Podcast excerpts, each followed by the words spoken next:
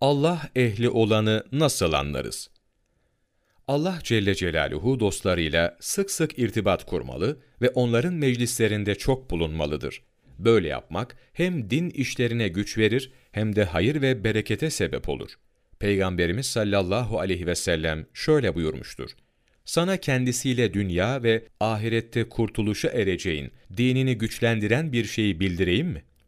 İşte o, Allahu Teala'yı ananların meclislerine devam etmendir.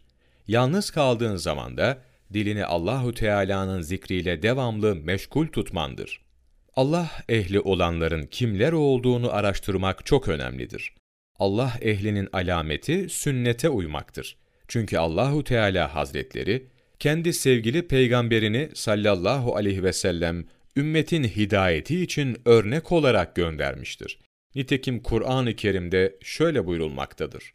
Ey Resulüm de ki, eğer siz Allah'ı seviyorsanız bana uyunuz ki Allah da sizi sevsin ve günahlarınızı bağışlasın. Allah çok bağışlayıcı, çok merhamet edicidir.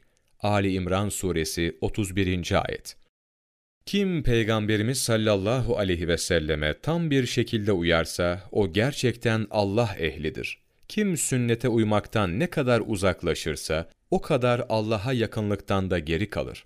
Tefsir alimlerinin yazdığına göre, kim Allahu Teala'yı sevdiğini iddia eder de, Resulullah sallallahu aleyhi ve sellemin sünnetine karşı çıkarsa, işte o yalancıdır. Çünkü sevginin usulü ve aşkın kanununa göre, kişi birini sevdiğinde, onun evini, kapısını, duvarını, avlusunu, bahçesini, hatta köpeğini ve merkebini bile sever. Özet olarak, bir kişinin Allah dostlarından olduğu araştırıldıktan sonra, onunla ilişkileri geliştirmek, onu sık sık ziyaret etmek, onun ilminden istifade etmek, dinde yükselmeye sebeptir. Aynı zamanda bu, Peygamberimiz sallallahu aleyhi ve sellemin bir emridir. Bir hadiste şöyle buyurulmuştur.